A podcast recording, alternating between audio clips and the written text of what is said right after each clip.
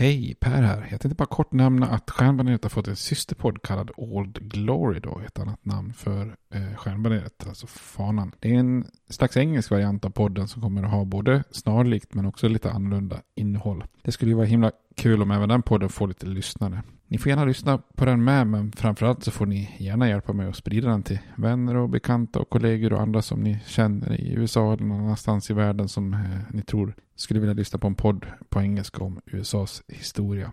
Tack, det var bara det jag ville säga. Nu kommer avsnittet. Hej då! Tired of ads barging into your favorite news podcasts? Good news. Ad-free listening is available on Amazon Music for all the music plus top podcasts included with your Prime membership. Stay up to date on everything newsworthy by downloading the Amazon Music app for free or go to amazon.com slash news ad free. That's amazon.com slash news ad free to catch up on the latest episodes without the ads. Botox Cosmetic, out of botulinum toxin A, FDA approved for over 20 years. So, talk to your specialist to see if Botox Cosmetic is right for you. For full prescribing information, including boxed warning, visit BotoxCosmetic.com or call 877-351-0300. Remember to ask for Botox Cosmetic by name. To see for yourself and learn more, visit BotoxCosmetic.com. That's BotoxCosmetic.com. Hey, I'm Ryan Reynolds. Recently, I asked Mint Mobile's legal team if big wireless companies are allowed to raise prices due to inflation. They said yes. And then when I asked if raising prices technically violates those onerous two year contracts, they said, What the f are you talking about, you insane Hollywood ass? F- So to recap, we're cutting the price of Mint Unlimited from $30 a month to just $15 a month. Give it a try at mintmobile.com slash switch. $45 upfront for three months plus taxes and fees. Promo rate for new customers for limited time. Unlimited more than 40 gigabytes per month. Slows. Full terms at mintmobile.com.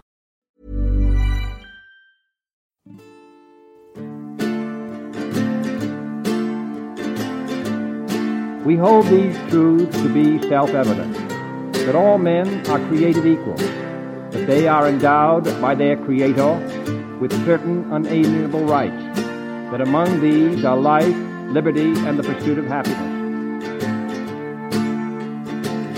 Now we are engaged in a great civil war, testing that government of the people, by the people, for the people, shall not perish from the earth.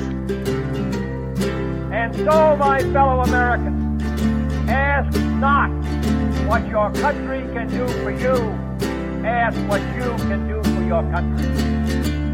I have a dream my four little children will one day live in a nation where they will not be judged by the color of their skin, but by the content of their character. Mr. Gorbachev, tear down this wall.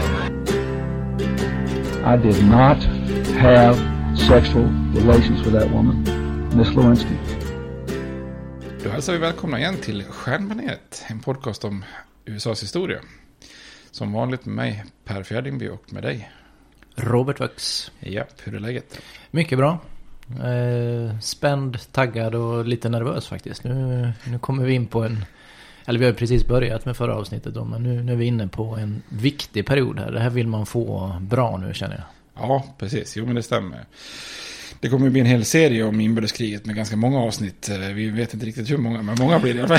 Ja, det har ändrats under gången här. Ja. Vi pratade ju om att kanske ha ett avsnitt per år och lite och försöka hålla det tydligt så. Men du märkte snabbt när Ja. du började tänka till att det där kommer inte hålla. Så jag, jag har ju från sidan här, jag får ju skicka till mig då material och sånt. Jag ser hur det växer, växer och växer. Ja. Så vi kommer nog inte just nu kunna säga hur många avsnitt om inbördeskriget det blir då. Det blir många helt enkelt. Ja. Ja. Är man eh, ointresserad får man eh, vänta på översiktsserien när den drar igång igen. Men annars... eh, Nej, det tror jag är dumt. Det, det här behöver man ha Ja, med. faktiskt. Jo. Ja. Men eh, jag hade ju faktiskt glömt bort alltså, hur extremt mycket det händer under inbördeskriget. Och eh, också hur, vad ska man säga, i grunden som USA påverkas av inbördeskriget. Det är ju verkligen så ett land före inbördeskriget och ett helt annat land efter inbördeskriget. Så det, det, ja, det känns som att man behöver liksom dra igenom det ganska rejält för att ha en förståelse. För annars blir det ganska mycket som händer efteråt ganska obegripligt. Och det är också lite grann konstigt när man läser tidningsrubriker idag, typ att det är kontrovers därför att man har, man river, vill riva statyer och Mm. eh, olika stadshus i södern ska vill flagga med, med sydstatsflaggor och sånt där. Så, Mm. så det är då, ja det, det är liksom aktuellt än idag egentligen, inbördeskriget kan man säga. Mm. Jag har ju tänkt till lite kring det där också. Att nu när vi kör eh, Eh, avsnitten om inbördeskriget ska jag hålla det ganska strikt då, min del. Så det kommer bli en öl, precis som vanligt då, i början här. Och sen ska jag hålla det till en eh, musikreferens och en filmreferens med ganska nära anknytning till just inbördeskriget. Så jag kommer inte sväva ut så mycket om hur städerna ser ut eller skådespelare som kommer från olika platser eller sporter och sånt. Utan eh, det kommer vara ganska strikt från min sida. Så vi får fokus på Ja, ja. dig mer då. Och inbördeskriget Ja, naturligtvis. okej. Ja. Ja. Lite, eh, li, li, jag tycker ju om när det svävar Jo, ut jo, jo, men det får inte, Ja, jag, jag vill hålla det lite Ja, mer ja, fokus här nu. Ja. Så, Vi- så varje avsnitt kommer som sagt ha en av varje där då. Ja. Öl, musik, film. Gött, gött. Jag tänkte också att eh, vi skulle bli bättre här för att nu blir det ju en hel del slagfält. Du sa ju att du gärna ville ha lite sl tuffa slag här och det kommer ju bli ganska många. Det- Inbördeskriget är ju känt för att det är väldigt många eh, stora slag, eh, slagfält där och eh, då tänkte jag att du ska vara duktig och lägga ut kartor på sociala medier därför att det är ganska mycket enklare att följa. Ja, kan man också lägga ut länkar tänker jag. Det måste ju finnas hur mycket som helst. Ja, man precis. Det liksom- kan man ju också göra faktiskt. Mm. Och det blir mycket karaktärer eller mycket personer och sådär. Kan lägga ut lite bilder kanske. Uppdatera lite oftare. Så har ni, följer ni inte oss i sociala medier innan så börja göra det nu tycker jag. Som Ja. vi är ju med på både Facebook och Instagram och Twitter. Ja. Ja. Och är det så här, nu, nu pratar vi om många avsnitt här. Ehm, och det får ju alltid sättas i relation här. Jag, det finns ju faktiskt en, en amerikansk inbördeskrigpodd. Jag tror jag nämnde den en gång. Ja. Och eh, senast jag kollade så hade de kommit till avsnitt nummer 268. och det var då del 11 om enbart slaget vid Chancellor's och, och då är de alltså i maj 1863, så det är väl typ ungefär halvvägs liksom, Ja. sådär, i kriget. Så att, eh, det är ju, ja, vill man ha fördjupning så får man eh, hänga på dem istället. Ja. Vi kommer att skrapa på ytan jämfört med dem. Nej, men jag tycker vi har kommit långt. Vad är vi uppe i nu? 45 avsnitt eller? Vad Ja, vad var det vi uppe i? 45, 46 kanske? Ja, något ja, sånt. Jag har glömt bort vad vi, vart vi var. Ja. Ja. Och jag hade svårt att se att vi skulle komma över 50 när vi startade. Ja, Jag tänkte det, här kommer, det här kommer inte jag orka, tänker jag. ja, det är skönt att du hänger i. Ja, ja. ja det är bra. Ja, men fint. Men hörru du, innan vi går vidare då, ska vi köra... Vill du ta ölen nu eller ska Ja. du ta en update vart vi var förra Ja, vi kan ta en update först. När, när vi slutade förra avsnittet så hade ju... mm, eh, hade ju Lincoln, vi pratade mycket om hur Lincoln väljs till president och hur de här sju slavstaterna i den lägre södern, alltså djupa södern, hur de reagerar på det här då och eh, väljer då helt enkelt med South Carolina i eh, täten då att eh, helt enkelt bara lämna USA. Och sen så bildar de ju då CSA, alltså Amerikas konfedererade stater. Och sen så blir det ju det här tvisten över vissa federala fort och egendomar som finns kvar då i de här staterna som har lämnat unionen. Och då var ju det här Fort Sumter i Charlestons hamn var ju själva krutdurken som, som tänds då. Och eh, då blir det ju det här eh, vad heter det? bombardemanget av Fort Sumter och eh, kriget bryter helt enkelt ut då. Så att Vem var det som sköt först? Eh, Det är ju Södern som Ja, skjuter det. först, ja. Ja. Mm. Jo, Lincoln var ju lite smart där och skickade bara proviant och Ja, meddelade i förväg. Så för, det. så, Yes. att, eh, så att vi tar ju lite grann vid kan man säga när eh, röken skingras där i Charlestons hamn och kriget är ett faktum. Mm. Mm. Och då vill du ha en öl till det då? Ja, precis. Ja. Det, jag har ju, som sagt, jag får ju skicka till mig vad, vad avsnittet kommer handla om. Och det är ju 11 stater, om jag förstod det rätt, som Mm. då eh, bryter sig ur här och bildar den här, vad heter den? Konfederationen. Ja, konfederation. Och eh, det finns en öl då som är förbjuden i 11 stater. Några av de här staterna är samma då som bryter sig ur, men det är också andra. Men Okej, spännande. det är Samuel Adams som har gjort den som heter Utopia. Ja, ja, den är riktigt stark. Ja, 28 procent eller något. Just ja. Och jag tänker att det är på grund av den där alkoholstyrkan som den då är förbjuden av någon anledning. Eller att öl måste ha en viss eh, st- styrka då för Ja, att få måste sälja vara så. som öl och så vidare. Så den är förbjuden i 11 stater. Den är en sån här typisk barreled aged. Det är väl en barley wine skulle jag tro av någon, någon slag då. Ja, har du testat? Nej, nej, nej. För guds skull. Den var ju svindyr såg jag. jag tror om det var... Det om det här var en intressenten stor, flaska så kostade väl den, vad var det, 200 dollar. Oj, jösses. Ja, och sen fanns den i liksom så här eh, små flaskor, olika portioner. Och då var det väl kanske, ja, jag vet inte. Men det är ju, det är ju, Ja, för de hade ju en trippelbock. Jag fick tag på den med sådär Mm. typ eh, inplastad topp och allting sånt där. Ja. För att den skulle, verkligen skulle hålla sig jättelänge. Som var deras trippelbock som låg på sån här 17-18 procent. Jag tror Mm. att det var världens starkaste öl under den perioden. Okej. Nu finns det ju starkare men... ja. Eh, men den så- såldes ju på någon sån typ... Ja, var det 20 centiliters flaska. ja, precis. Jag tror det här var något För liknande. att det liksom skulle vara... Eh, ja, de skvättade väl upp helt enkelt. Mm. Ja. Gillar du sådana här barrel age? Alltså som har lagrats på ekfat av... Nej, jag är inte så förtjust faktiskt i det just eh, för lager. Däremot så gillar jag ju de här, eh, den typ, alltså lite starkare, maltiga Mm. wine. Det tycker jag är rätt härligt på något vis. Lite Ja. befriande. Lite antitesen mot en, en pale ale. Jo, det är det. ja. Ja. Så att eh, det gillar jag.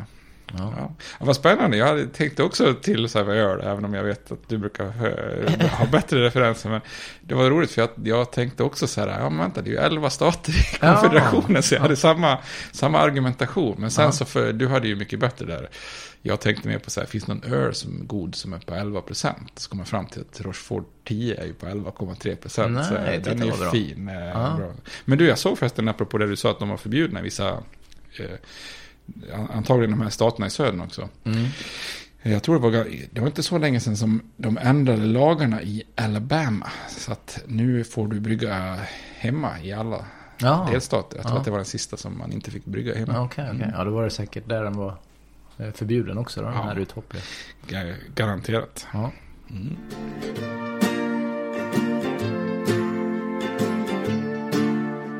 Yes, men ska vi hoppa in då? ja, då kör vi. Ja. Och då blir det lite grann så här, vad händer då efter de här skotten vid Fort Sumter då? För då är ju kriget eh, ett faktum. Eh, givetvis hade man ju, om man spekulerar lite, kunnat tänkt sig lite olika scenarier. Alltså, ändå att Lincolns val inte hade lett till att de här staterna hade lämnat unionen. Eh, eller att man kanske hittat en kompromisslösning Eh, före eller kanske efter som gjort att de här staterna hade sagt att okej då med den här kompromissen så då kommer vi tillbaks till eh, unionen då. Man hade ju också kunnat tänkt sig att de här eh, sju då rebellstaterna hade fått lämna unionen i fred då. Och att USA från den här stunden var, var två olika nationer då. Så att det är ju inte så att bara för att södern lämnar så är det ett krig liksom ett faktum i sig. Utan det hade ju såklart kunnat vara andra scenarier så att säga. Men, men Fort Sumter chockar ju lite grann eh, landet får man säga. Ehm, och många hade ju liksom förnekat. De tänker sig, nej men krig det kan det ju bara inte bli. Det är, eh, vi, vi kan inte tro att det ska bli, gå så långt då. Men eh, Lincoln accepterar det ju. Eh, han ville ju bevara unionen och han kanske beskrev det hela bäst i sitt andra installationstal 1864.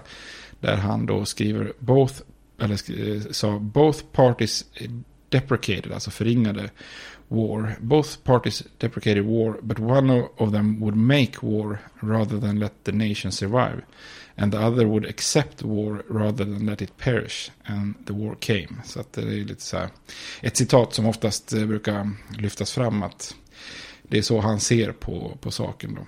Och dagen efter Fort Sumter då så kallar Lincoln in 75 000 man från delstaternas eh, miliser. Det har vi pratat mycket om tidigare att miliser är grunden i det amerikanska försvaret. Och eh, då enligt konstitutionen så får ju presidenten då eh, kalla in miliser för federal tjänstgöring. Och det får man ju, får ju presidenten göra även, även idag. Mm. Så att säga. Eh, och det, det är ju samma som egentligen George Washington gjorde på 1790-talet när han slog ner det här whiskyupproret som vi pratade om då.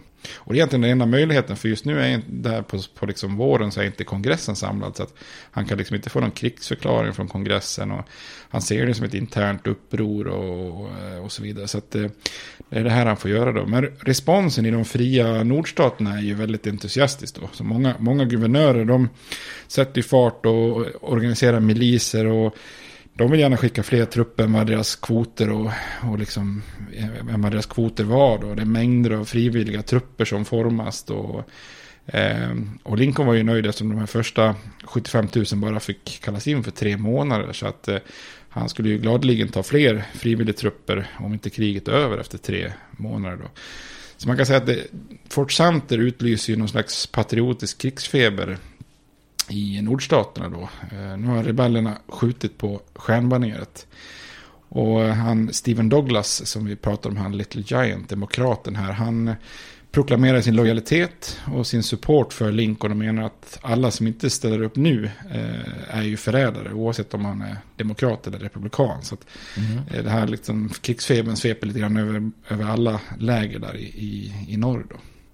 Hur gör de här eh, slavstaterna nu då? Vi vet ju att det blir elva till slut, men hur väljer de olika staterna att göra?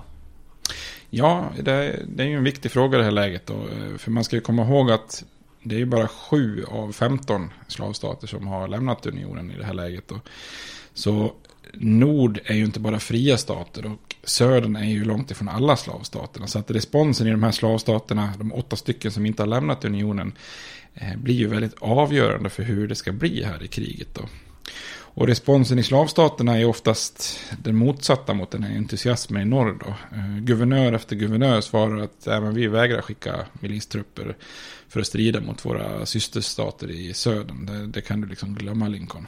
Mm. Eh, och det här är liksom det ögonblicket som de här secessionisterna, alltså de som förespråkar utträde ur unionen och de här radikala i södern, det är det de har väntat på. Därför att tidigare har ju de som har varit unionen trogen vägrat att lämna unionen i de här staterna. Eh, men nu sitter de ju liksom, ja de sitter ju i rävsaxen. Det är ju ett dilemma nu för dem då. Endera får de ju lämna unionen och slåss för slavrepubliken då, eh, konfederationen. Eller också får man stanna kvar i USA där man vet att slaveriet antagligen kommer att begränsas. Då. Så det är lite pest, man står inför pest och kolera-val här då. Och då riktas ju jättemånga blickar mot eh, Virginia då, som brukar kallas för the, the Old Dominion eftersom det är USAs första, första liksom koloni och allting sånt där. Och, eh, och där tar ju de här radikalerna greppet då, om staten och på ett konvent den 17 april då eh, så, eh, så röstar man för att Virginia ska lämna unionen. Och redan innan det här resultatet bekräftas i en folkomröstning så har Virginias milistrupper börjat inta så viktiga militära poster som till exempel den här vapenarsenalen Harpers Ferry där han John Brown gjorde uppror och så vidare. Och då blir det ju jubel i, i konfederationen för Virginia bara staten Virginia hade ju nästan lika mycket industrikapacitet som de sju ursprungliga mm. Eh, staterna i konfederationen då. Och det är ju störst, största sydstaten befolkningsmässigt. Eh, och så är det den här enorma prestigen efter Washington och Jefferson och alla de här. Eh, och med Virginia kommer ju också många av de allra mest framstående generalerna under kriget då. Robert E. Lee, Eh, Thomas eh, Stonewall Jackson, eh, Jeb Stewart, Ambrose Power Hill. Det finns flera liksom som... hade de inte fått dem i arméerna så hade det kanske varit en stor brist då, så att säga. Mm. Och bara några veckor senare då under maj månad så då följer Arkansas, North Carolina och Tennessee efter och lämnar unionen de med. Eh, och då har ju eh, Amerikas konfedererade stater nu blivit 11 till antalet då. Och de här fyra nya staterna är ju en enorm förstärkning på alla sätt och vis då. Eh, hade de bara varit sju stater hade de nog varit ganska rökta liksom, i ett mm. krig. Då. Men nu jämnar det ut till lite mer. Då. Och den 20 maj så röstar man i konfederationens kongress ja till en inbjudan från Virginia om att flytta huvudstaden från eh, Montgomery, Alabama som den var först då, eh, till Richmond, Virginia, mm. då, den största staden i, i Virginia.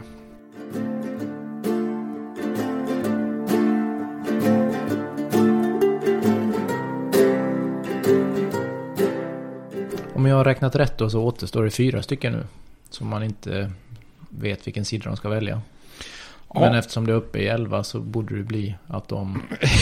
ja, precis. Lite spoiler alert. Ja. ja, men det kanske inte är så lätt som det låter. Att de bara står kvar i unionen då. Nej, eh, och det är det här som också gör de här första månaderna av kriget, eller första halvåret, väldigt intressant. Då, för det är ju de här fyra staterna som brukar kallas för gränsstaterna. Mm. Alltså de fyra slavstaterna som är längst upp i norr. Då. De har ju inte lämnat unionen och de kommer ju i slutändan att bli trogna och vara kvar i unionen. Men vid den här tiden så är det liksom väldigt, eh, väldigt öppet. Ska de förbli lojala eller ska de lämna unionen då?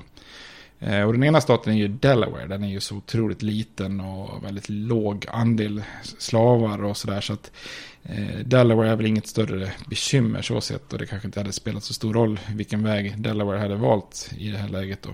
Men Maryland och Kentucky och Missouri som är de andra tre är ju en annan sak. Det är ju tre väldigt stora stater med, för att vara södern då, ganska mycket industri och sånt där. Då. Och det här kanske är de staterna som är absolut mest splittrade i sin inställning. Alltså där det nästan är så här liksom 50-50 bland befolkningen. Eller kanske 60-40 i alla fall. Liksom, eller, mm. ja, men det, det, där är det mycket familjer som några vill gå norrut och några vill gå söderut så att säga. Och Maryland är ju ett enormt eh, orosmoment för Lincoln här i april-maj 1861. Och på grund av geografin. För att eh, Washington DC, då, alltså huvud, USAs huvudstad, eller huvudstadsdistriktet, det, det, ligger ju med Virginia på andra sidan Potomacfloden. Och sen eh, ligger det ju insprängt i Maryland. Så mm. att om eh, Maryland hade lämnat eh, unionen, då hade ju alltså USAs huvudstad då varit liksom inklämd i en liten liksom del av fiendeland, så att mm. säga, helt omringat. Det hade väl de fått lov att flytta huvudstaden också på något sätt, känns det som. Ja, precis. Det hade ju antagligen kanske varit en, en följd på det då. Ehm, och det är ju många i Maryland, och speciellt de östra delen som runt Baltimore, som sympatiserar med södern. Och när ett av de första av de här regementena från Massachusetts som har svarat på Lincolns proklamation då ska passera genom Baltimore den 19 april så utbryter det våldsamheter här. Och det är ju för att på den här tiden är det jättevanligt att järnvägslinjerna inte löper igenom en stad. Utan att man kommer in liksom en station och sen så får man kliva av tåget där. Så får man gå genom stan till en annan station och så hoppa på en ny tåglinje. Man märker det, jag tänker på det, som i Bryssel finns det ju Garde Nord, Garde Syd. Alltså det finns olika stationer. Det kanske är, nu är de väl ihopbyggda men det är säkert många städer som har varit så i, i Europa också kan jag tänka mm. mig. Men när de här trupperna då börjar gå genom stan så möts de av en mobb som börjar kasta gatstenar och skjuter med pistoler och sånt där. Så då börjar de här trupperna bemöta elden. Och innan de då har satt sig på tåget söderut så har fyra soldater Fyra soldater och tolv civila dött. Så det här är ju egentligen krigets första offer som dör i strid, även om det liksom är en vanlig mobb då, om man säger så. Mm. Eh, det var ju två som dog där vid Fort Sumter, en direkt där, men det var ju när de skulle avfyra en kanon. Ja. ja. så det var inte riktigt strider så att säga. Och då är ju stämningen i Maryland extremt upprörd då, för att nu har alltså civila Marylandbor dödats av trupper från den mest abolitionistiska delstaten av alla, de, Massachusetts. Då, så att det är ju illa då. Och guvernören i Maryland, han sympatiserar med södern. Han kräver att absolut inga fler trupper får passera stan. Och när Lincoln vägrar så bränner man en järnvägsbro och så klipper man telegrafledningarna till DC då. Mm. Så det blir total panik i Washington DC då, i huvudstaden i ett antal dagar då. De är helt avkopplade från omvärlden. Eh, det finns nästan inga trupper på plats så att ett anfall hade ju stan lätt fallit då.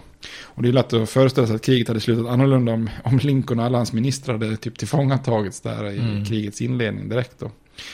Eh, så det är kanske några av Lincolns mest nervösa dagar där när han går och väntar intensivt på att det ska komma fler trupper då så att säga. Det sägs att han, har muttrat en massa sådana, går runt och muttrar sig. Why don't they come? Och I don't believe there is any north och sådär. Han är riktigt nervös där. Men så kommer räddningen då när Benjamin Butler, en demokratisk eh, general, anländer till DC med det åttonde Massachusetts-regementet. Och han har tagit sig runt Baltimore via ångfartyg och lagat järnvägsspår och sånt där. Och tagit en, en omväg till DC. Då, så Lincoln blir ju väldigt lättad att se de här trupperna anlända då. Och strax efteråt så anländer det fler trupper och han, eh, Butler har också tagit kontrollen över Baltimore igen då. Så, där, så att nu, då helt plötsligt så är läget inte så, så kritiskt längre då. Nej. Men Maryland fortsätter att vara ett problem och orosmoln under flera månader. Men i det långa förloppet så blir ju Maryland kvar i unionen så att säga. Men Lincoln behöver ju flera gånger förklara undantagstillstånd och många arresteras lite då och då. Det eh, skapar ganska mycket oreda så att säga. Men Maryland kan ändå räknas in i norr då. Mm. Och flyttar man sig längre väster, äh, västerut så kommer man ju till Missouri då. Och det är ju den av gränsstaterna som ligger längst i väster. Och där uppstår det snabbt en, eh, en kris då. Missouri är ju är ju viktigt eftersom staten låg längs Mississippi-floden då som är viktigt att hålla. Samtidigt som det också, den ligger också så pass långt norrut geografiskt då efter den här Missouri-kompromissen som vi pratade om. Så att från Missouri så skulle man ju lätt kunna hota Illinois då på andra sidan eh, floden och så. Mm. Eh, och sen har ju också Missouri en viktig stad i, i St. Louis också. Så att eh, den är, det är viktigt. Och det här är ju, det är ju väldigt långt ifrån Washington DC. Det är ganska mycket starka personligheter där.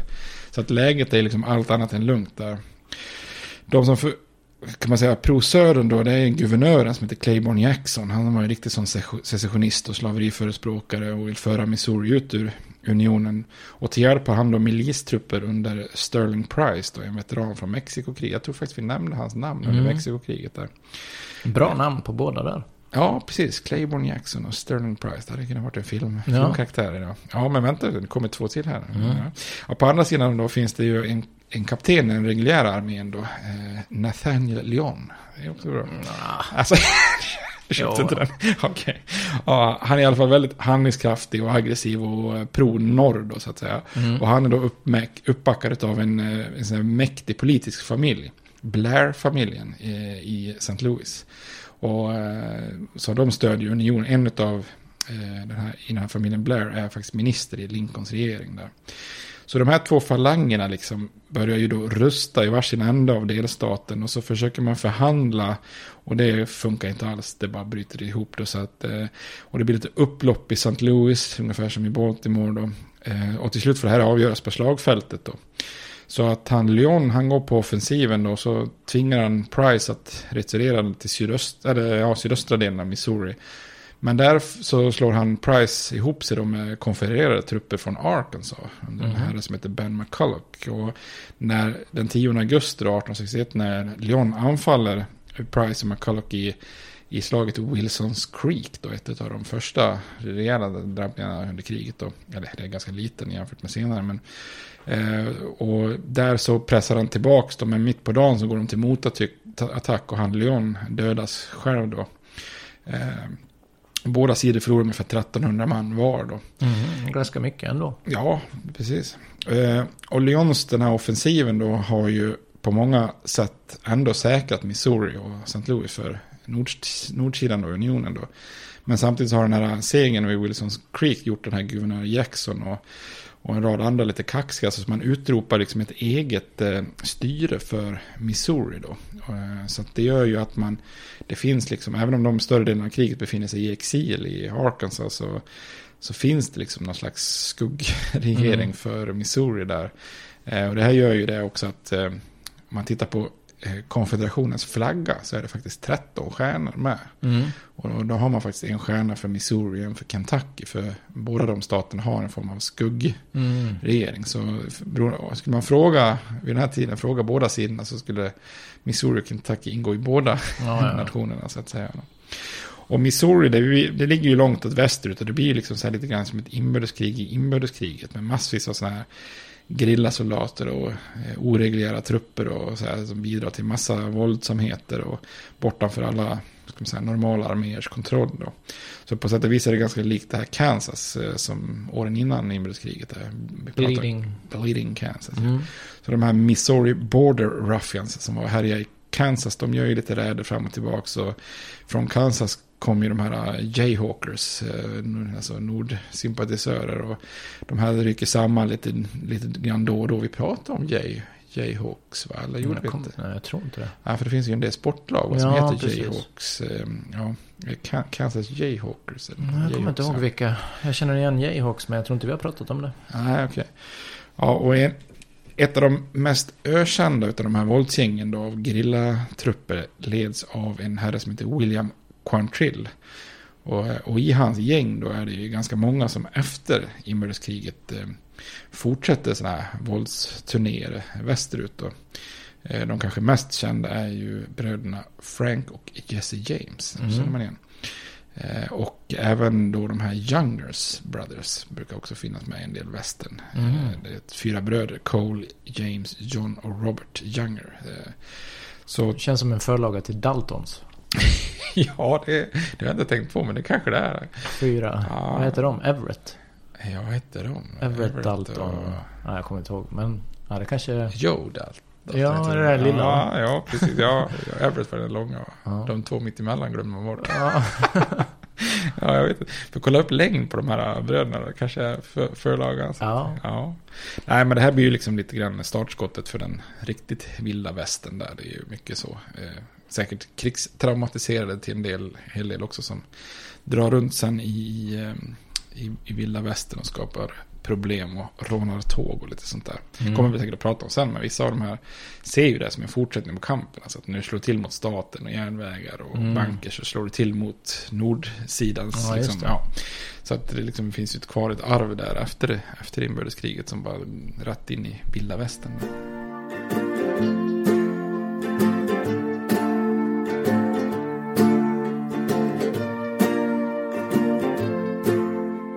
Kentucky då, som du nämnde där. Som den trettonde stjärnan kanske vi kan säga att det blir konfederationens flagga.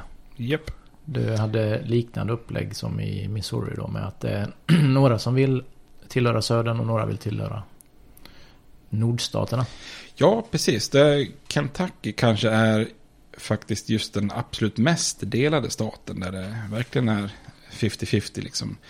Eh, vissa är orienterade norrut och några söderut här. Och, men till skillnad från Missouri och Maryland så är det, präglas det inte så mycket av handling. Utan det är ytterst varsamt hantering i Kentucky som gäller där. Eh, ekonomiskt är ju den staten väldigt orienterad mot norr. Men söderut så är det ju väldigt geografisk koppling naturligt liksom.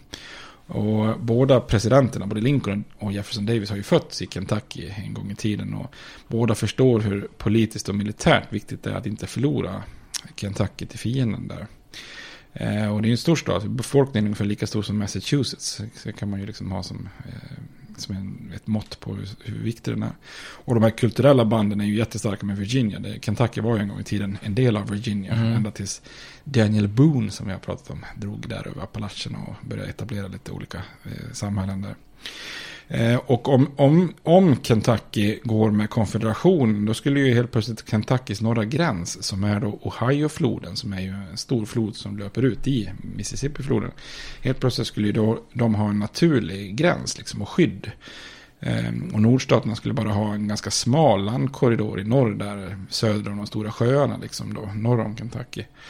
Och om staten lämnar, eller stannar kvar i unionen och blir trogen i nordstaterna, då, då kan ju i så fall då unionstrupperna använda de här olika, olika floderna som rinner ifrån Ohiofloden söderut och hela vägen ner genom Tennessee till norra Mississippi, Alabama och Georgia. Så att då skulle man ju istället ha en väldigt strategisk fördel i norr om, om man hade, kan hålla den här eh, Kentucky då. Och tidigt i, i kriget då så säger ju, alltså Kent, eh, Lincoln vet ju hur viktigt det här är. Så han säger så här, I think to lose Kentucky is nearly the same as to lose the whole game. Kentucky gone, we cannot hold Missouri, nor as I think Maryland. These all against us and the job on our hands is too large for us. We would as well consent to separation at, once, including the surrender of this capital. Så att han är lite, han är lite nedstämd. Han vill verkligen ha Kentucky Det låter sin... ju som det är otroligt viktigt där då. Ja, enligt honom är det... Det hade i princip inte blivit något krig då. Om de inte hade fått med. Eller man- ja, kriget är ju igång. om, men- om, ja, om man menar riktigt allvar med det uttalandet så kan Mm. man ju faktiskt tolka det så. Ja. Mm. Eller så var det bara något han sa. De Ja. hade kört på ändå. Kanske för att eh, vad heter det, betona vikten bara. Han överdrev kanske lite. Ja. Det har man ju gjort själv en och annan gång. Så man, Mm, ja. Vi kan inte blame him. Nej, nej, nej. Eh, Men politikerna i Kentucky då, de är ju, även om de är splittrade så kommer de enas om att staten ska inta en neutral ställning. Så det är lite skillnad mot Missouri Mm. Maryland då. Ehm, Så man gör sig helt enkelt lite konstigt så här till någon slags eh, Schweiz mitt i, mitt emellan USA och konfederationen där. Och varken Lincoln eller Jefferson Davis vågar beordra dit några trupper då för att korsa Kentuckys gränser. För man törs liksom inte bryta den här neutraliteten. Samtidigt är det mycket Kentuckybor som tar värvning både norrut och söderut så att säga. Då. Men den här situationen att försöka vara en neutral stat där mitt i, det kan ju inte vara för evighet. Då. För södern är ju det positivt, för de får ju någon form av buffertzon och skydd för Tennessee då, dels för handel och så vidare. Men, men Lincoln, han kan ju inte tolerera det här i det långa loppet. Men men det gäller liksom att försöka att inte vara den som bryter neutraliteten då. Men båda sidor har ju lite fingret på avtryckaren då. För den som kontrollerar västra Kentucky kan ju koppla greppet om hela Mississippifloden egentligen i övre delen med massa starka fästen då. Eh, och betydelsen av den här stora floden då som Lincoln kallar Father of the Waters kan ju knappast överdrivas där. Alltså, kontrollerar man Mississippifloden så skulle ju konfederationen vara delad i två. Liksom sen. Mm. Och den som till slut då bryter Kentuckys neutralitet är den konfedererade generalen Leonidas Polk. Eh, han är något så ovanligt som en biskop som tagit till svärdet. Eh, eh, och han är vän med president Davis. Och, och, och det... han, han kommer jag åt återkomma till. Ja, men vad bra. Ja, bra. Fast det är längre fram. Ja, vad härligt. Ja. Eh, så han, eh, han har ju på, Jefferson Davis har ju påpekat vikten av att respektera neutraliteten där. Och de är ju nära vänner så att Davis hoppas väl där. Då. Men den här Polk, han är ju en general som, eh, han har ju väldigt svårt att ta någon order från någon annan än Gud själv om man säger så. Så i början av september 1861 så korsar han gränsen in i Kentucky och tar kontroll över ett jättestarkt fäste där vid Mississippifloden som kallas för Columbus då. Och Jefferson Davis, han, när han hör det här försöker han ju reparera skalan snabbt och beordra tillbaka honom. Men, men då är det liksom för sent. För att då har den lagstiftande församlingen i Kentucky skylt på att det är Södern som har brutit neutraliteten. Och då kräver då att Söderns trupper dras tillbaka. Och så begär man då hjälp från nordstaterna för att driva ut inkräktarna då. Så det här gör ju då att i slutändan så skulle en majoritet i Kentucky ställa sig på eh, nordsidan av kriget då. Men, eh, men det är ju ganska många viktiga män i Kentucky som ändå strider för södern. Då. En av dem är till exempel John Breckinridge, då, före detta senator och eh, vicepresident som var presidentkandidat då mm. i valet 1860. Då pratar vi lite grann om honom. Då. Så Kentucky, han, Kentucky är väl på många sätt och vis den här liksom, eh, ultimata splittrade staten där. Som det blir så lite ironiskt för att, att det blir så splittrade av kriget också. För att det är ju den gamla hemstaden fan Henry Clay som jag pratat om många gånger. Han som har gjort massa kompromisser mellan nord och syd. Eh, och hans arv har ju förts vidare av John Crittenden som försökte skapa kompromisser precis innan inbördeskriget också. Då. Eh, båda presidenterna som vi sa innan är ju födda där. Eh, fyra av Henry Clays barnbarn stred för syd och tre för nord. Då kan man snacka om splittrad mm. familj då. Och av Crittenens söner så blir den ena general i nord och den andra sonen blir general i syd. Och Lincolns fru Mary, eh, Mary Todd Lincoln, hon är ju first lady i norr. Men hon har fyra bröder och tre svågrar som strider för södern. Så eh, det är verkligen så här, ja men Kentucky det är det ultimata splittringen där. Men för Lincoln och nordstaterna är det ju en rejäl framgång att, eh, och lättnad att både Maryland och Kentucky och Missouri blir kvar i unionen. Eh, befolkningen och eh, resurserna där hade ju varit ett rejält uppsving för konfederationen då. Och i södern skulle man aldrig riktigt liksom, då tappa hoppet om Missouri och Kentucky då, med de här skuggregeringarna och stjärnorna i flaggan så att säga. Men, men det, på något vis så, nej, det, det, liksom, det löser sig aldrig. Så att, det kan man ju spekulera om Lincoln hade haft rätt. Om mm. de här staterna hade förblivit, hade gått till konfederationen hade nordsidan orkat liksom invadera även då liksom och ja. vinna kriget. Men istället för att vinna territorium då så kan man säga att konfederationen vid den här tiden också eh, förlorar lite område eh, i det som kommer att bli dels, den nya delstaten West Virginia. Mm. West Virginia då, vad tänker du på då? Direkt. Förlåt. Ja, vad heter den? West Virginia. Ja, John Denver. Ja. Take Me Home, Country Roads. Ja, så heter det. Ja, precis, jo. Men den kommer inte jag ta upp som låt senare. Ska du inte? Nej, nej, nej den, den, har ju ingen koppling till inbördeskriget. Nej, det är sant. Nej. Det är sant. Utan det är mer geografiskt. Ja, annars tänker man ju mest på fattiga. Alltså nu är det så fattigt där. Liksom, gamla gruv det är väl ett av de värsta, ja. värsta delarna av USA liksom, att befinna sig i just nu kan jag tänka mig. Ja.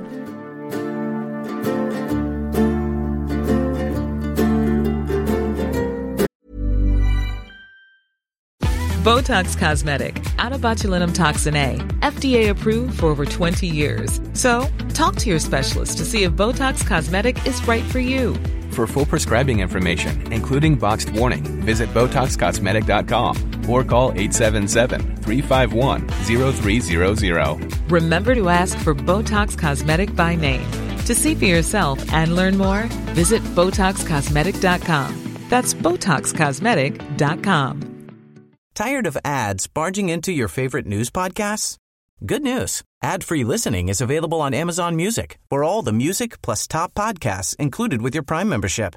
Stay up to date on everything newsworthy by downloading the Amazon Music app for free or go to amazon.com slash news ad free.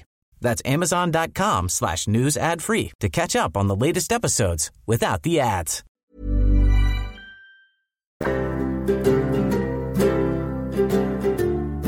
Men vad hände med West Virginia då? När Ja. uppstår den som stat? Ja, det är ju faktiskt under inbördeskriget då. För att eh, West Virginia är ju egentligen då den västra bergiga delen av staten Virginia. Eh, och där är ju en befolkning där väldigt få äger slavar. Eh, och där har man inte känt någon direkt koppling med den här eliten i, i östra delen av staten då. Eh, och eliten där har ju alltid begränsat det här, de här västra countiesarnas inflytande. Så att när Virginia röstade för att lämna unionen så hade man då i västra Virginia starkt röstat för att stanna kvar i unionen då. Eh, och det gör ju att vissa här börjar ganska tidigt prata om att nej, men vi vill lämna Virginia och bilda en egen stat som, som återinträder i USA eller som tar Virginias plats i, i USA istället för övriga. Då. Och här får de lite hjälp faktiskt av Ohios guvernör. Ohio ligger ju ganska nära West Virginia om man tittar liksom nordväst, ut nordvästut där. För han vill ju säkra sin gräns då och ganska tidigt i, i kriget så skickar han in trupper i området. Och den som leder de här trupperna är George McClellan då, en av de mest eh, lovande unga befälen i den reguljära armén.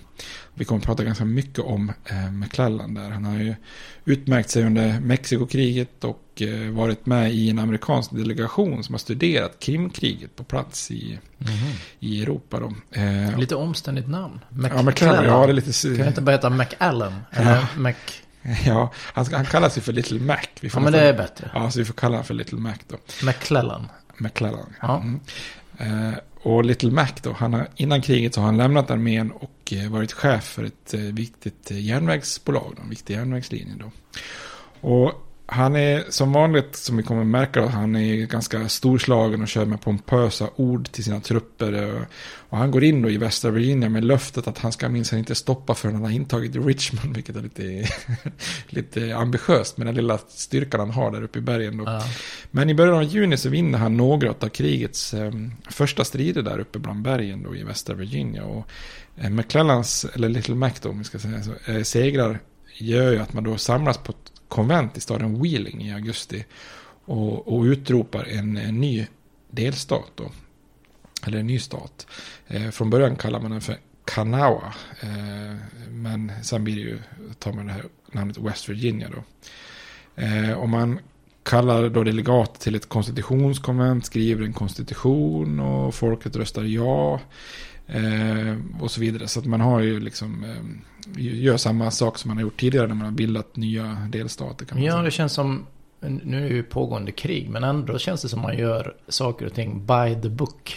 Det ska liksom göras eh, enligt och Ja, ja, ja. eh, konstens alla regler för Ja. att starta en ny stat här. Du kan, I USA kan du inte ha någonting utan en konstitution i grunden. Liksom. Eller konvent, verkar Nej, det som. Konvent måste det vara. Ja, du måste ha ett konstitutionskonvent som ska ge, skriva en konstitution. Och sen ska den ratificeras av folket. Då är det by the book för att vara... Man kan tänka sig att sen, om vi går händelserna i förväg, att efter kriget sen, att de går tillbaks då och blir Virginia igen. Men det gör de Ja, inte. nej, det, nu har de fått smak på Ja. sig, sig själva. Så Ja. eh, det blir ju permanent då, på något vis. Då, Ja. så, så det här är ju, hela West Virginia är ju egentligen liksom, eh, det, det, det, det dröjer lite för att det finns ju fortfarande lite, slavägare där som vill egentligen ha kvar sina slavar. Och då säger ju till slut eh, Lincoln och nordstaterna och kongressen att nej, ni måste införa liksom någon form av gradvis avskaffande, annars kommer ni inte in i unionen. Så det dröjer till 1863, då, mitt i kriget, innan man formellt sett blir en del av eh, Mm. nordstaterna. Då. Men det är ju ändå, det är ju en rolig utveckling, för det blir ju liksom på något vis secession inom secessionen, när man säger så. Ja. Det blir, eh, först lämnar Virginia unionen, sen lämnar West Virginia Virginia. Det måste ju vara en prestigeförlust för eh, Södern då. Ja, precis. Det blir det ju såklart Ja. också. De är ju inte jättehappy där. Så de slåss ju ganska hårt för att Ja. eh, liksom, behålla kontrollen. Så de är ju inte så att de accepterar det frivilligt. Liksom. Och Lincoln har ju också stora förhopp- förhoppningar om att samma sak ska ske i östra Tennessee. För det är ju liksom egentligen bara på andra sidan bergen då. Eh, Så det är ju spegelvänt liksom från Mm. West Virginia. Det är också få slavägare då i de här bergiga delarna. Och eh, många är då lojala unionister. Och, och bland annat en, en, en av de som är viktiga där, som är fortfarande lo- lojal, är ju Andrew Johnson som sen kommer att bli Lincolns vicepresident och sen då tar över när Lincoln mördas då. Mm. Eh, och de håller också ett konvent, tror jag är, Mm. i Knoxville då, som är den stora staden i östra Tennessee då, där man proklamerar att eh, östra Tennessee aldrig kommer att acceptera att bli en del av konfederationen.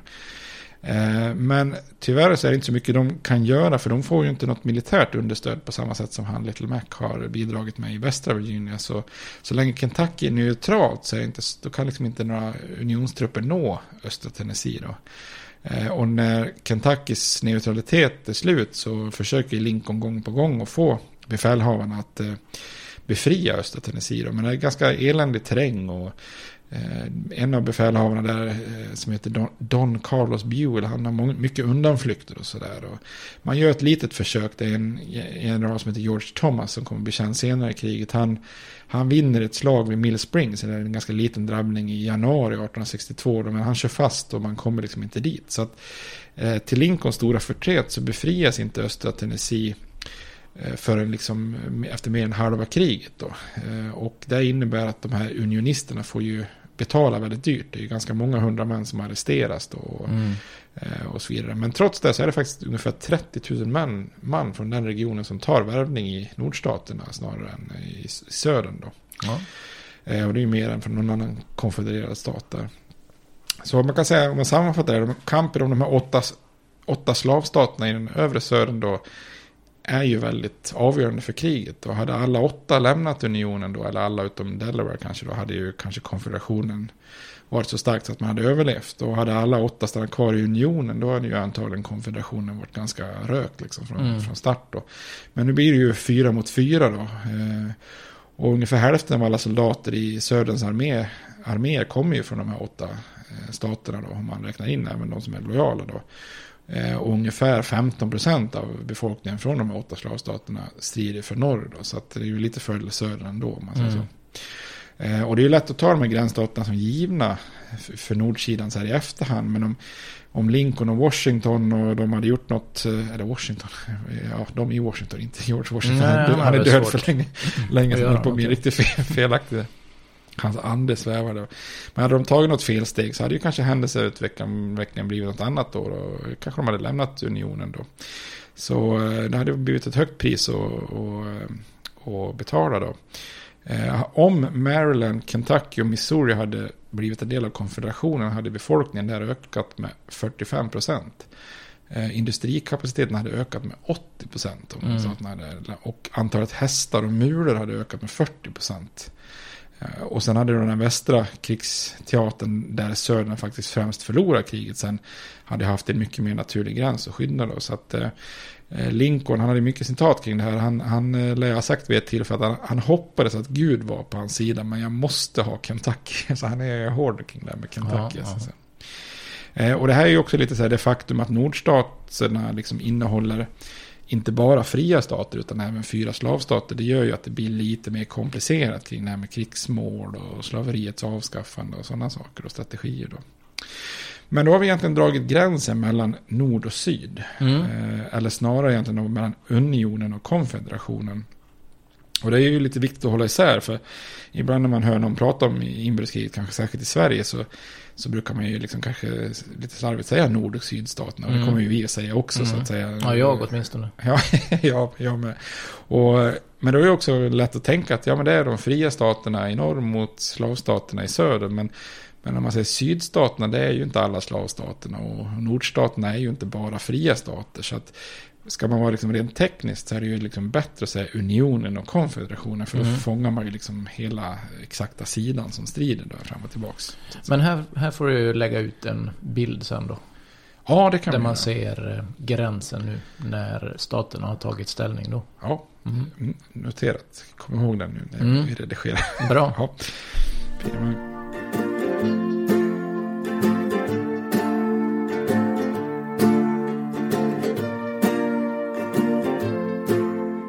Du nämnde ju här att eh, Söd... Nej, nu ska jag inte säga Södern då. Nu ska jag säga Konfederationen hade ökat sin industrikapacitet ganska rejält. Det betyder ju att nordstaterna, som jag inte ska säga då, unionen har en mycket större industrikapacitet. Är det, är det jämbördigt på andra ställen där? Jag tänker med befolkning och milis och hela den här biten. Hur ser, hur ser styrkeförhållandena ut nu när kriget ska dra igång på riktigt kan man säga då? Yes. Eh, nej, det är ju... Det, gällande fysiska resurser så är ju nordsidan överlägsen om man säger så. Eh, för då är det ju 23 delstater som är lojala och kvar i eh, unionen. Och de här 23 delstaterna har en eh, befolkning på 23 miljoner. Mm. Och de 11 delstaterna som har anslutit sig till konfederationen har ju en befolkning på 9 miljoner. Av vilka knappt 4 miljoner var slavar då, så ungefär eh, ja, lite drygt 5 miljoner är då eh, icke-slavar. Ehm, och sen ska klart så måste man justera de här siffrorna lite. Men det är väl ingen som egentligen vet den exakta sanningen då, för många i de här fyra gränsstaterna är ju lojala som är lojala i unionen tar ju värvning söderut och sen är det ju vissa delar då utav de här slavstaterna som är i konfederationen där några tar värvning norrut så att säga. Och, och även i de södra delarna av Ohio, Indiana och Illinois så är det ju en del som tar värvning söderut därför att det är oftast är familjer som har flyttat till de Mm. delstaterna från södern. Sådär. Ehm, men om man tittar liksom, för bortanför befolkning så det är ju ett väldigt omfattande krig, inbördeskriget. Så att det blir ju liksom hela samhällen som ställs mot varandra. Industri mot industri och ekonomi mot ekonomi och så vidare. Och då, där har ju nordstaterna en, en ganska rejäl fördel då. För tittar man 1860 då så produceras ungefär 90% av alla industrivaror i nordstaterna då. Mm. Eh, Och i norr producerar man ungefär 10 gånger så mycket textil som i söder. Ungefär 30 gånger så många skor. Ungefär 20 gånger så mycket stål. Ungefär 13 gånger så mycket järnvägsspår. eh, 24 gånger så mycket lok. Och eh, 11 gånger så mycket skepp. Och, och i princip kan man säga all vapentillverkning. Så att de har ju en liten... Det känns ju kört. ja, Eller? Ja, nästan till i alla fall. Ja. Ja, när man tittar på bara siffror så här så, så... Och lika transportmässigt så ligger ju nordstaterna jättelångt före också. Där man har ju långt mycket bättre och fler järnvägar och... Eh, betydligt liksom mycket mer standard och sammankopplande. För i södern har de flesta järnvägar bara liksom så här sipprat ut till kusten. Ja, det är bara Mm. bomullen ska ut och på export är det liksom det enda de bryr sig om. Så att det är ju väldigt få liksom järnvägsnät som liksom har byggts samman på något vis. Då. Och det här är ju, blir ju tidigt ett problem för södern att försöka eh, liksom då, eh, få fram förnödenheter och utrusta sina arméer. Då. Mm. Eh, och Södern hoppas ju väldigt mycket på att deras jordbruksdominerade ekonomi ska vara stark. Då. Eh, men oavsett om det gäller liksom produkter eller förnödenheter så är ju de här logistiska problemen väldigt eh, stora då i Södern. Det är, få, förutom få järnvägar, få kanaler, dåliga vägar och så vidare. Så. Och i början av kriget så löser man en del av det här genom att köpa utomlands. Då. Men sen som vi kommer att se så kommer ju eh, Lincoln och Nord, Nord att göra en blockad av kusterna som gör att det blir svårare och svårare att få in grejer till Mm. konfederationen ju längre tid det går. Då. Och det är ju många som har tittat på det här med fördelarna med Norge, eller nordstaterna. Som du sa, på papper kan nästan låta som kört för, för, Mm. för eh, konfederationen där. Men, eh, men det är lite så här, ja, nordstaternas seger då, om man får göra en spoiler alert. Jag tror ingen som lyssnar vet, tror att Söder vinner. Eh, så att, att, att liksom krigsutgången är given. Men där får man ju tänka att historien är full av massa exempel där eh, när någon nation har vunnit med betydligt sämre förutsättningar än vad konfederationen har. Och Mm. krig handlar ju väldigt mycket om jag menar, krigsmål, krigsmoral bland civila och soldater, politik, möjlighet att inspirera soldaterna och kompetens bland befälen och massa sådana där grejer. Och där har ju Södern väldigt många fördelar då inom de Mm. områdena. Så att, eh, eh, och det leder oss ju lite grann in på krigsmålen då liksom för att vad, vad, vad är det då för krigsmål och vad har Södern egentligen för för liksom fördelar där. Eh, och man kan väl säga att krigsmålet för Södern det är ju egentligen bara att vinna sin självständighet. Då. Ja, precis. Låt oss vara. Vi Ja, vill vara för oss själva. De har ju inga mål att inta så mycket av nordstaterna. Nej, precis. Du, du nästan, nu, jag vet inte om du var medveten om det, men du citerade nästan Jefferson Davis. Nej. Du har en liten Jefferson Davis i dig. Ja, jo, i ett tal till, till konfederationskongressen så säger Jefferson Davis ett citat som har blivit väldigt så här, um, känt efteråt. Han säger så här att all we ask is to be let alone. Mm. Ja, så att ja, så, mm. det vore en liten Jefferson Davis i det. Ja, jag har ju, kommer ihåg det på min svensexa, jag fick ju en sydstatsuniform på mig. Ja. Fick du? ja, jag är fortfarande för, förbryllad över att det inte var nordstatsuniform. Jag tror inte det fanns att köpa. Nej, jag gjorde inte det. Det var ju så jävla skönt. Jag kommer aldrig glömma det på svensexan. Där vi, vi var ju på det bullcaféet. där. Ja. Och så hade jag ju hela Ja. uniformen på mig. Så lägger vi ner på toa så stod det några där och kastade på någon bana på nedervåningen. Så, så var det en kille där som bara tittade upp lite så här casual på mig. Och så bara, ja, där kom den sydstaten. Som att det var helt normalt liksom. Ja. Ja. Ja, men tillbaks då. Men eh, om man tittar på södern då, eller konfederationen, så många ansåg ju att man hade bildat sin nya nation för att bara bevara den arvet från den amerikanska revolutionen. Alltså man ser det som helt nat- naturligt där. Och, eh, och man hade liksom en, en vördnad för konstitutionen och så vidare. Men samtidigt så himlar man ju inte att man slåss för slaveriet, egentligen vit makt om man säger så. Då. Mm. Eh, vicepresident Alexander Stevens, han klargjorde det här eh, eh, i ett tal där han menar att nordsidan slåss för rasernas jämlikhet. Och då menar han att our government is founded upon exactly the opposite idea. The negro is not equal to the white man. Eh, that slavery is his natural and normal condition. Och eh, han menar då att konfederationen var historiens första stat based upon this great physical, philosophical, philo- philosophical and moral truth. Mm. Så han himlar inte direkt med att han Nej. tycker att eh, afroamerikaner är en, en, en, liksom en lägre stående ras, om man säger så. Mm. Så Söderns krigsmål, det blir ju ganska enkelt. Det blir ju kort och gott att bara försvara sig mot invasion då. Eh, och att ha unionssoldater nere i södern som, som kanske plundrar och frier slavar och är ett hot mot, eh, ja men bokstavligt talat att man strider för hus och hem då. Eh, och ska försvara sina fruar och systrar och barn och så vidare. Eh, och det här gör ju att de flesta då, oavsett om man är fattig eller rik, eller oavsett om man har trott på slaveriet eller, eller, eller utträder ur unionen eller vad som helst så ställer man ju gärna upp på de krigsmålen för att man Mm. vill ju inte ha en invasionsarmé liksom, som drar Nej. fram det. Och det här skapar lite av en paradox också för många soldater och befäl i södern så slåss ju inte, liksom, det är ju inte så att de primärt slåss för att försvara slaveriet men det blir ju liksom en paradox för, för utan slaveriet hade det inte varit någon, någon krig liksom och, och det har, utan slaveriet hade det inte funnits eh, fiendesoldater som hotade deras livsstil så att säga.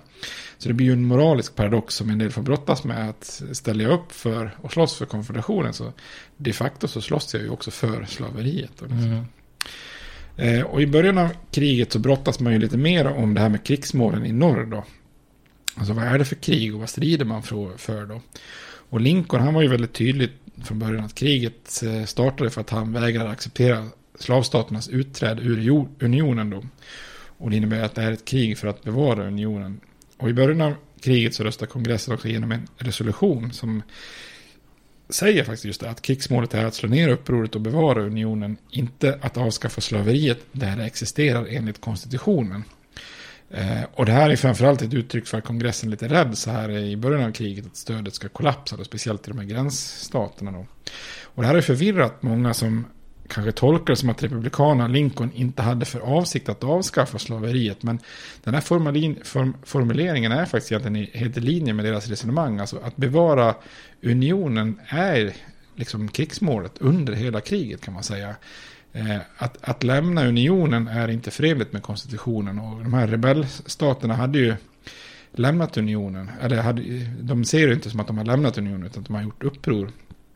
Däremot så ger ju inte konstitutionen varken Lincoln eller kongressen rätt att avskaffa slaveriet i slavstaterna.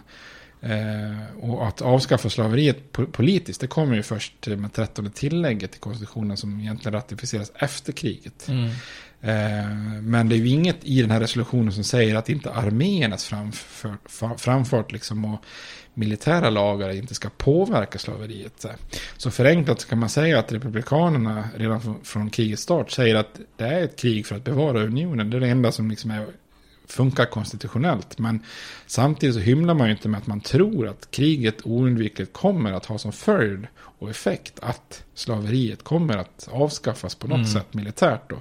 Så fort arméer börjar dra runt i södern så kommer den här institutionen falla sönder på eget eh, grepp. Liksom. Mm. Och här får de egentligen eh, rätt. Då. Så att man ligger lite lågt i slaverifrågan. Så här, inledningen av kriget är ju smart för att hålla ihop nordstaterna och stå eniga i kampen mot unionen. Då. Eh, speciellt med tanke på de här fyra gränsstaterna. Då.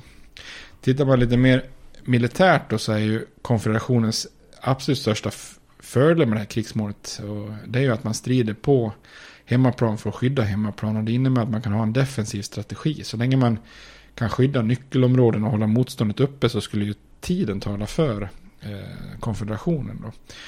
Eh, och ju längre man trycks tillbaka desto längre skulle ju också nordstaternas försörjningslinje bli och binda upp allt fler trupper som ockupationstrupper på olika erövrade platser och sådär. Medan södern skulle ha det man militärt kallar inre linjen, alltså att man har kortare avstånd för att skifta trupper från en plats till en annan och mm. kunna stå emot och skydda te te territorier. Då. Så enkelt kan man säga att sydstaterna, eller konfederationen, de kan ju vinna kriget genom att inte förlora helt enkelt. Medan nordstaterna, de måste ju vinna genom att vinna kriget. Mm. För nordstaterna så är detta en ganska enorm utmaning militärt. Därför att om man tittar geografiskt så konfederationen är ju nästan lika stort som Västeuropa om man tittar mm. geografin då. Eller ungefär nästan lika stort som Ryssland väster om Moskva då. Eh, och det är mer än dubbelt så stort som USA var av sin självständighet 1783 där. Och då, då lyckades ju inte ens britterna, världens bästa militära maskin, vinna ett krig då. Så Lincolns utmaning kan ju faktiskt jämföras lite grann med Napoleon 1812 då, eller eh, Georg III 1776 då. Det är ju enorma avstånd för att kuva fienden då. Och Lincoln och nordstaterna de måste också förlita sig på soldaternas liksom, nationella patriotism för att bevara unionen och göra uppoffringar på bortaplan. Då. Och en av Lincolns främsta förmågor det är just att han, han, är bra på att sätta ord på att man i norr stred för det han kallar för det bästa styret på, på jorden. Alltså att man ska slåss för demokrati, för unionen, för konstitutionen, för flaggan. Då. Han brukar kalla USA för last best hope on earth. Alltså att mm. det bästa styret som finns. Då. Och väldigt många som tar värvningen i norr ser ju demokrati och det fria samhället som värt att kämpa för. Även om det liksom, man kan tycka det är lite konstigt att man strider för de här abstrakta symbolerna. Men så är det. Eh, en annan fördel för södern det är att vid krigets start så är man i södern fylld med väldigt självförtroende. För man, man hävdar att söderns trupper kommer att vara överlägsna då. Eh, södern har ju varit, som vi pratade om tidigare, väldigt överrepresenterade i, inom armén. Då. Mm. Eh, sju av åtta militärakademier finns i slavstaterna. Så söderns pojkar är ju mer vana att hantera häst och vapen än de här eh, lortiga industriarbetarna i norr, tänker man där. Eh, och det är ju sant också till en viss del i början då. Eh, sen ju längre kriget går så inser man att i södern att, att Billy Jank, som ibland som brukar kalla soldaterna i norr, är minst lika tuffa som Johnny Reb. Mm. Så att det är det men, så. Men också bland befälhavarna finns det då en viss fördel för södern då. Och det är färre så, så kallade politiska generaler. Alltså, Lincoln han behöver ju hantera vissa framstående män då, och demokrater som, eh, som då får bli generaler fast de inte har någon militär erfarenhet. Då. Eh, och det är ju flera av de här demokratiska generalerna som är ganska värdelösa som militärbefäl och det är ju inte insatsen bättre om man säger så. Dessutom så med facit i hand så vet vi ju att nordstaterna har den bästa ledaren i Lincoln.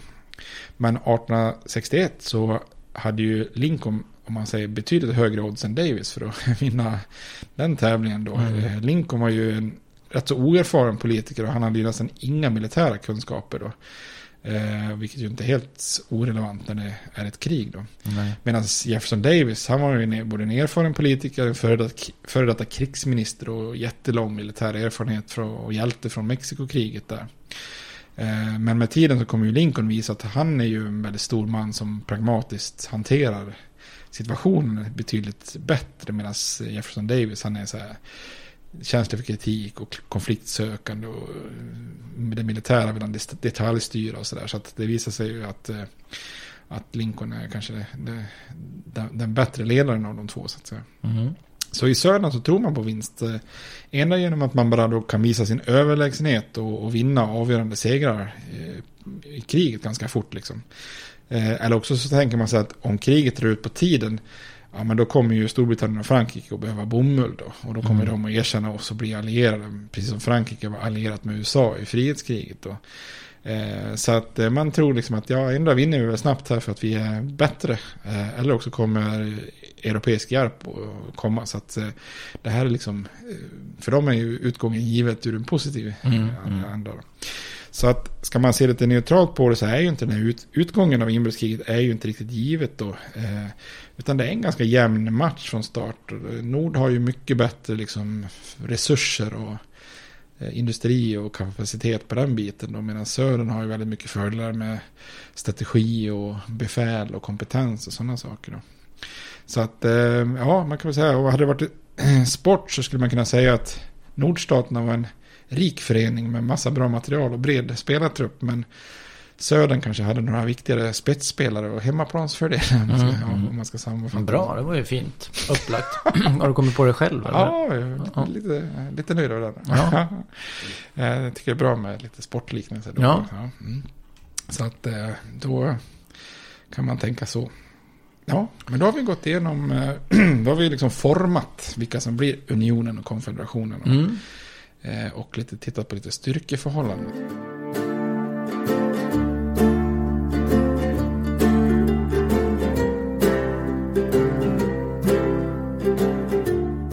Då vill du ha film kanske? Ja, Eller musik, vad vill du börja med? Nej, det spelar ingen roll. Shoot. Vi tar musik då. Vi tar en, en mjukstart här, men kanske uppenbart namn. Eh, Civil War med Guns N' Roses. Ja, just Den, just. eh, om man tittar på texten och så, är väl inte det specifikt till just eh, inbördeskriget kanske, utan mer kritik mot krig överlag. Att Ja, okej. det är alltid... Vadå tycker du det är dåligt? Ja, jag tycker det skapar stort lidande hos befolkningen och hela den biten. Och att vad, vad, är det, vad är det bra för egentligen? Och vad är det som, varför heter det Civil War här? Och vad är det för civiliserat med detta?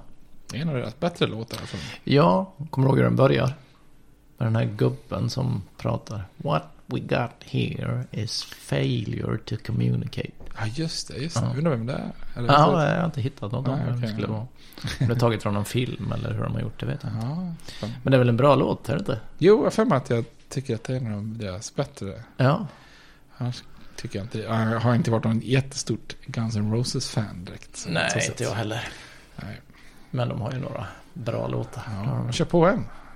Med konserter och sånt. ja jag tror det va? Ja. Har de gjort... De Det har väl bara Rose. återförenats Ja, just va, det. Det gjorde de. Ett ja. tag var det väl bara Axel. Ja, han har väl kört någon solo-grej. Och, Vad hette han med håret? Slash. Slash. Jag tänkte säga Mm. trash. Ja. Slash. Ja.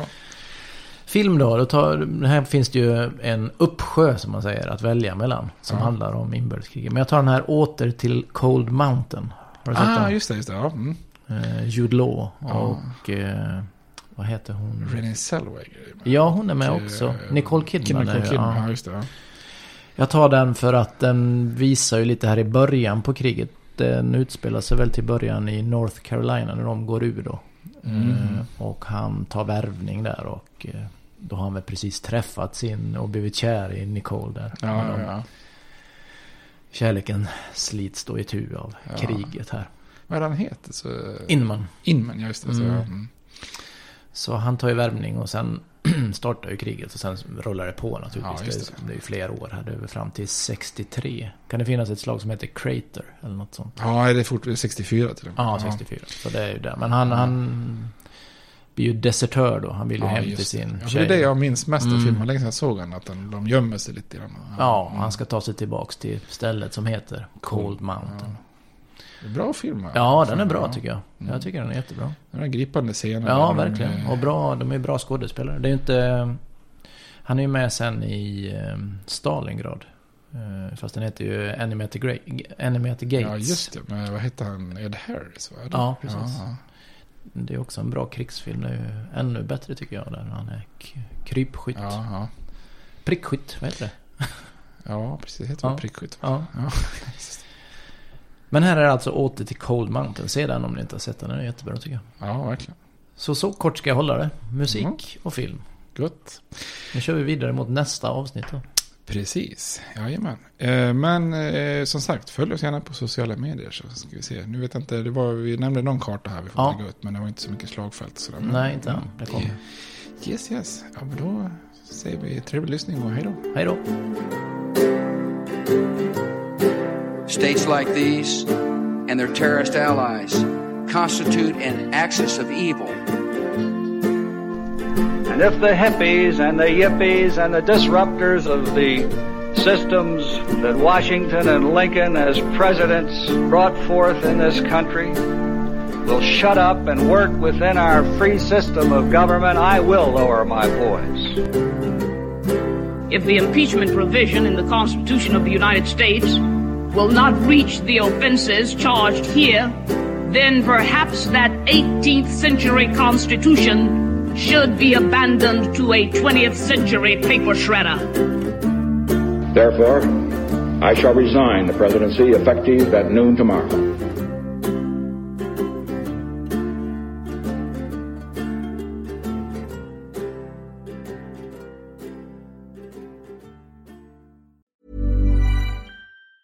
Tired of ads barging into your favorite news podcasts? Good news. Ad-free listening is available on Amazon Music for all the music plus top podcasts included with your Prime membership. Stay up to date on everything newsworthy by downloading the Amazon Music app for free or go to amazon.com slash news ad free. That's amazon.com slash news ad free to catch up on the latest episodes without the ads.